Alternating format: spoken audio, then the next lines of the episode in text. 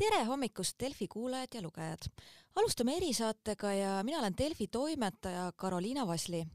ja muude koroonateemade vahele eile tegelikult äh, meie väikest poliitmaastikku äh, raputas teade, et kultuuriminister Anneli Ott paneb äh, ameti maha ja taaskord tõi see ka avaliku ette vähemasti väited, et kas valitsuskoalitsioonis ikka kõik on hästi või kuidas üldse valitsuse tervisega on. ja täna hommikul vestleme sel teemal riigihalduse ministri Jaak Aabiga, tere hommikust! tere hommikust! Ma alustuseks kohe küsin, et äh, mis eile ka võib-olla natuke Kaja Kallase intervjuusid äh, kuulates jäi kõlama, et kas oli siin ka Reformierakonna survet või oli see ikkagi Anneli Oti selline isiklik otsus, võib-olla ka selline Keskerakonna sees läbi arutatud? ei, ma julgen kindlalt väita ja nii see vastab ka tõele, et see oli Anneli Oti enda otsus. eks neid spekulatsioone on käinud ju kuskil pool kriisigi, et kas ja kes mida arvab aga ühtegi sellist konkreetset ettepanekut Anneli Oti suhtes pole keegi teinud. Ja ei ole ka Keskerakonna juhatus seda arutanud. nii et äh, eilne otsus oli täielikult Anneli Oti enda otsus. Kas ta siis äh, valitsuses äh, tõi lauale selliseid abipakette ja rääkis sellest, et kuidas kultuurisektorit arutada, ma siin vaatasin, et ta eile õhtul natuke sotsiaalmeedias kurtis, et vale mulje jääb temast, et vähemasti Reformierakonna poolt esitletud, et justkui ta ei oleks midagi teinud nojah, äh, jutt on olnud ju sellest, et kevadel võitles kultuuriminister välja piirangutest äh, tuleneva niisuguse toetuse kultuurisektorile nelikümmend kaks miljonit. Äh, noh, siin tahetakse eelmist ministrit vägisi meelde tuletada. see oli kaks korda suurem, kui eelmine minister suutis. ja kultuurisektor tänu sellele ikkagi eelmisest lainest tuli välja võimalikult väikeste kaotustega mis puudutab praegust lainet ja piiranguid, siis äh, vastab tõele, et Anneli Ott esitas vastavad materjalid toetuste eraldamiseks kaks nädalat tagasi. Need on mustvalgel kirjas, neid võib äh, kabineti materjalide hulgas näha ja tegi ka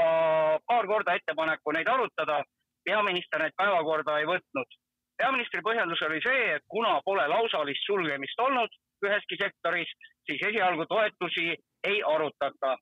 ja valitsusdelegatsiooni, Keskerakonna delegatsiooni juhina olen ma seda esitanud, seda ettepanekut ka koalitsiooninõukogus. ja ma usun, et see ikkagi jõuab arutusele. kahju, et äh, Anneli Ott ei ole võib-olla selle äh, kaitsmise juures enam, nii et öelda, et Anneli Ott poleks oma sektorit nende toetuste või rahade juures äh, kaitsnud, on kindlasti väär.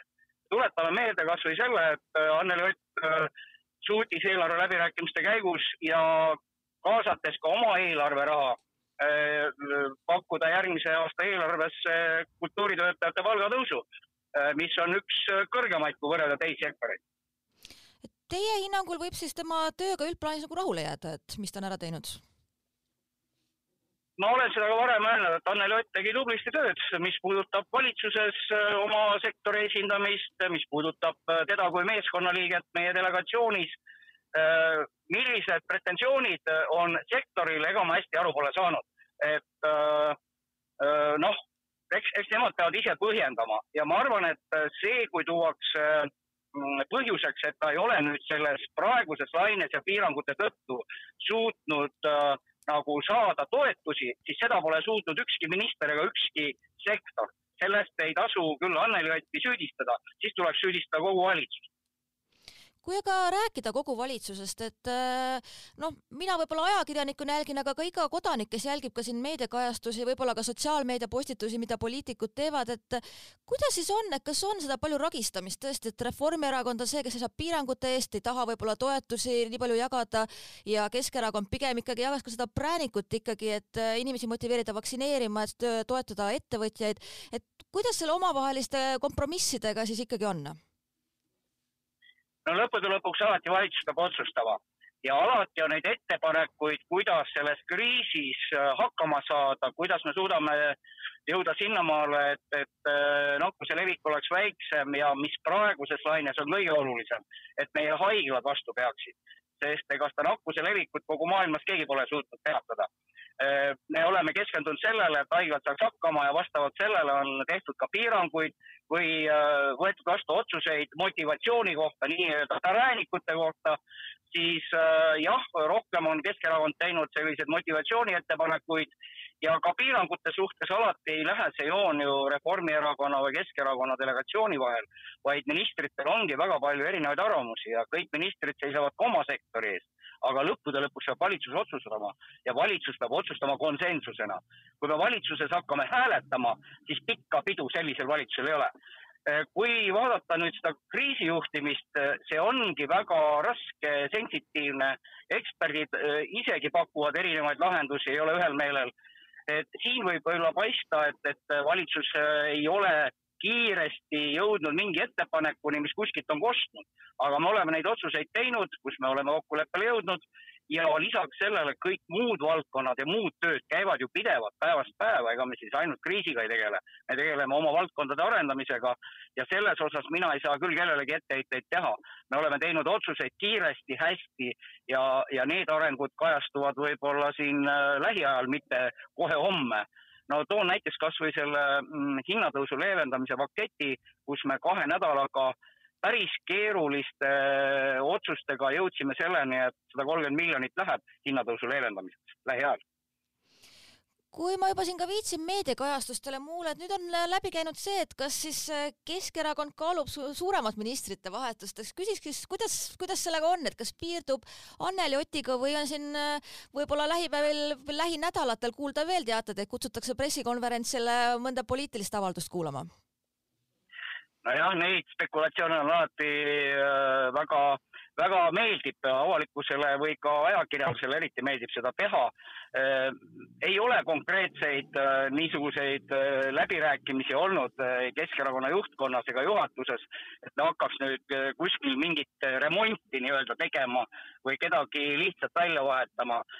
oleneb ikkagi situatsioonist, oleneb sellest, kuidas keegi oma tööga on hakkama saanud, kuidas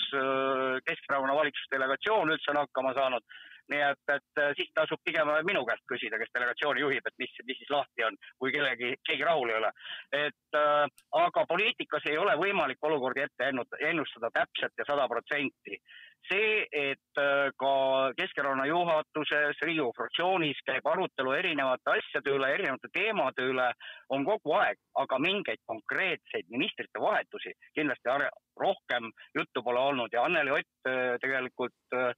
tuli ju välja ise selle otsusega ja, ja tal oli mitu põhjust, mitte ainult see, et kultuurisektor ei saanud toetust no ma arvan, et teie kolleeg Tanel Kiige käest küsitakse päevas umbes vähemalt kaks-kolm, võib-olla neli-viis korda, et no millal ta siis tagasi astub, millal see, millal see piir on, et kas see veidi segab ka sellist valitsuse tööd või ma mõtlen ka just Keskerakonna ministrite tööd, et kogu aeg see nagu kirves on pea kohal või avalikkus kogu aeg ju uurib selle kohta?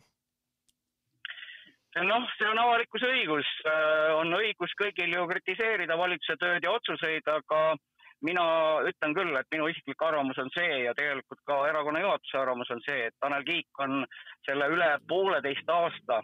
olnud ju pidevalt selle kriisi tulipunktis. Ja,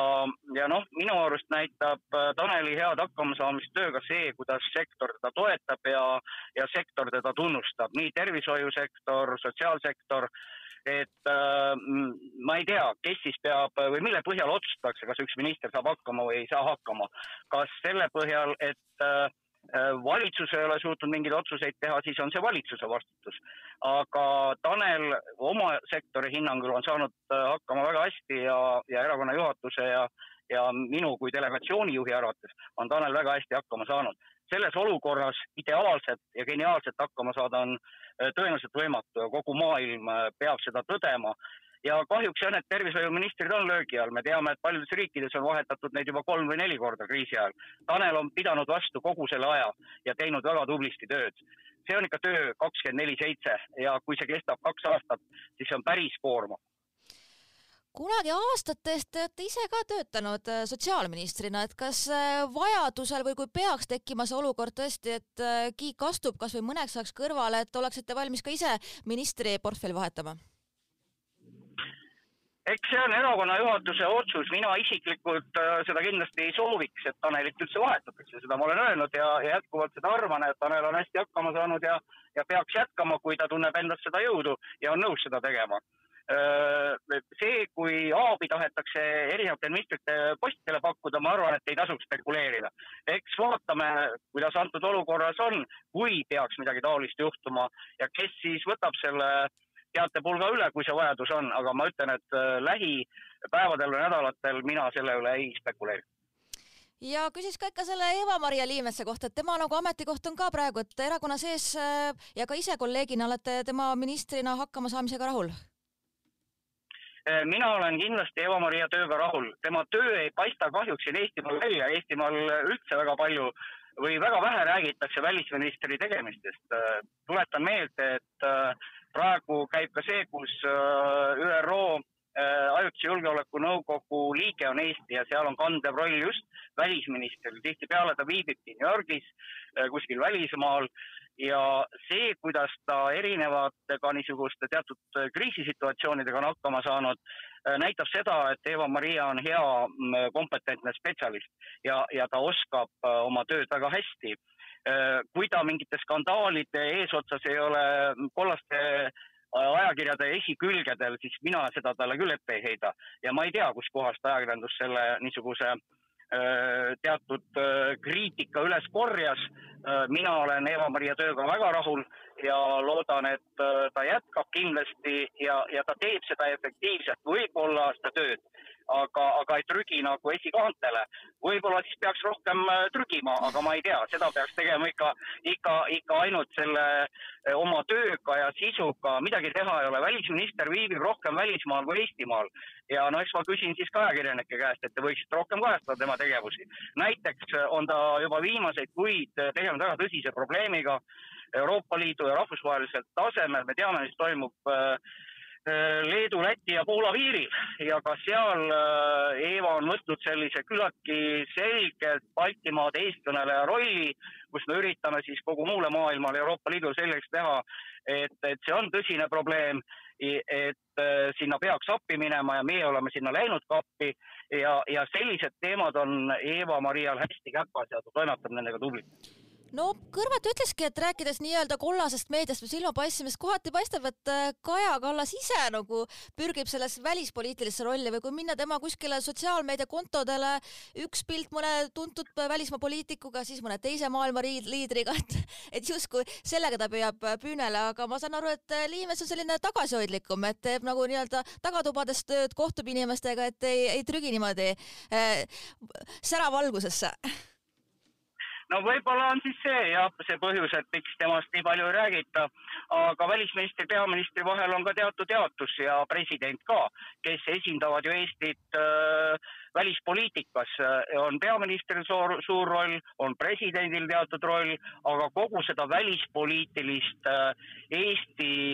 agendat või sisu sisustab Välisministeerium, et äh, seda pealispinnal me näeme nii peaministri kohtumiste pealt, presidendi kohtumiste pealt, aga kogu sisu on ette valmistanud ju välisminister ja tema ministeerium ja ta on teinud seda tublilt aga meie vestluse nüüd teises pooles ka lõpupoole ma küsiks ka valitsuse kui terviku otsuste kohta, et äh, siin eile võis ka lugeda juba, et teadusnõukoja poolt tuleb signaal, et tegelikult ikkagi piirangud peaks veel rangemaks muutuma ja võib-olla just seal meelelahutussektori tegevust kas või ajutiselt piirama, et mis teie arvate ja et kas nüüd see nädal tuleb siis valitsusele aru, arutlusele, et kui mitte päris täielik lockdown, aga et siiski natukene veel karmimalt, et saaks selle koroonapuhangu ohjata korralikult jah, eks siiamaani need otsused, mis me oleme teinud piirangute suhtes, puudutavad eelkõige vaktsineerimata inimesi ja, ja see on ka loomulik, vaktsineerimata inimesed on suuremas ohus kui vaktsineeritud inimesed. on äh, võetud ju vastu eelmine nädal kaks sellist otsust, mis puudutavad meid kõiki, oleme vaktsineeritud, vaktsineerimata, tuleb kanda maski nii üldkasutatavates kohtades, aga ka nii-öelda suletud kohtades, olgu see teater, kino, kontsert, äh, piirasime restoranide ja ööklubide tööd äh, kella üheteistkümnega õhtul, see on ju kõigile ühesugune piirang. ja nii nagu ma ütlesin, ega tegelikult äh, valitsus lihtsalt halvast tujust neid piiranguid peale ei pane, me vaatame neid numbreid, vaatame, mis toimub haiglates ja see ongi seal see punane joon, mida me jälgima peame, kas me jätkame teatud piirangute kehtestamist edasi, mis tegelikult tähendavad ikkagi juba selliseid eh, nii-öelda ülepõllupiiranguid ja kui me ei taha koole ju kinni panna, see otsus on olemas ja koolides, ma arvan, see testimine annab ikkagi välja sõeluda ka äh, nakatunud lapsed. Eks me peame vaatama, kuidas need piirangud siis numbritele ja viiruse levikule ja haiglate numbritele mõjuvad. Ja sealt lähtudes teadusnõukoda Äh, tegelikult teeb tublit tööd, aga tema vaade on eelkõige ju tervishoiusektori vaade, nakkuse leviku vaade ja tema teeb oma ettepanekuid lähtudes sellest. valitsus peab arvesse võtma äh, ka muu elu, mis Eestis on, et kui me midagi väga rangelt kinni keerame, siis on ohus inimeste töökohad, palgad, heaolu nii kultuurisektor, ettevõtjad, et siin peab targalt kaaluma ja tasakaalukaid otsuseid vastu võtma. Ja see ongi ka valitsusel keeruline, ta ei saa rakendada ainult teadusnõukoja ettepanekuid, ta peab arvestama ka teisi ettepanekuid, mis tulevad ju tegelikult teiste ministrite kaudu valitsuse lauale, kes teavad kõige paremini seisu oma sektorites, olgu siis ettevõtlusminister ettevõtluse valdkonnas, kultuuriminister kultuuri valdkonnas, haridusminister hariduse valdkonnas ja need otsused äh, tulebki teha nii, et kõik lõpuks on nõus seda otsust tegema. nii nagu ma ütlesin, see on konsensuslik ja ei saa lähtuda ainult teadusnõukoja ettepanekutest. see oleks võib-olla valitsusele kõige lihtsam, et võtame teadusnõukoja ettepanekud ja rakendame otsustega ellu, aga siis võib kuskil mujal valus hakata ja, ja, ja, ja see võib olla hullemgi kui, kui teadusnõukoja soovitatud ettepanekute põhjal. No tunnen ka ise ettevõtjaid ja kultuuriinimesi, kes praegu ka just loevadki iga päev ka, mida nagu arstid arvavad, mida teadusnõukoda ja kardavad, et võib-olla öeldaksegi juba homme, et nii, et äh, paneme terve Eesti lukku, aga vähemasti praegu sellist äh, drastilist sulgemist laual ei ole, ma saan aru. Sellist drastilist sulgemist ei ole ka teadusnõukoja ettepanekutes, äh, noh, mida nad on ka tutvustanud ja rääkinud Eh, on nad öelnud, et kui me koole ei sulge, kus on väga palju kontakte, noh, iseenesest lapsed ju ja noored eh, seda haigust praktiliselt ei põe või, või nakatuvad, siis nad on asümptomaatilised. aga kui on palju kontakte, siis ta jõuab ikkagi kuskil mingil hetkel eaka inimeseni või vaktsineerimata inimeseni ja siis võivad tagajärjed olla palju raskemad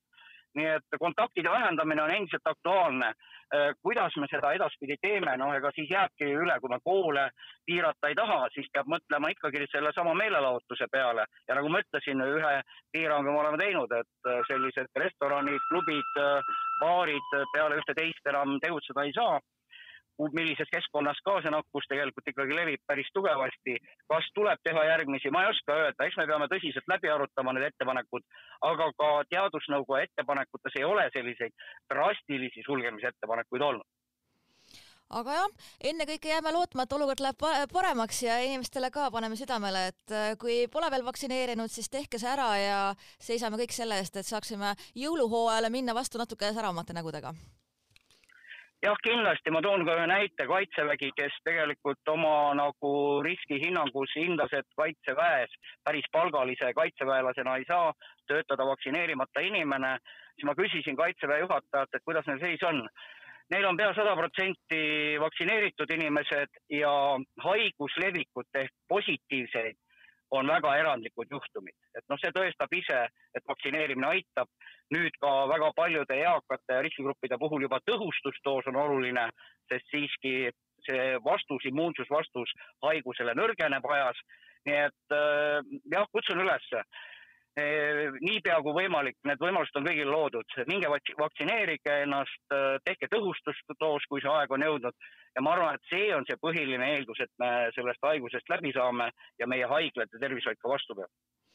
selge ja suur aitäh aega leidmast, rääkimast ja jõudu-jaksu tööpäevaks! aitäh, kena päeva!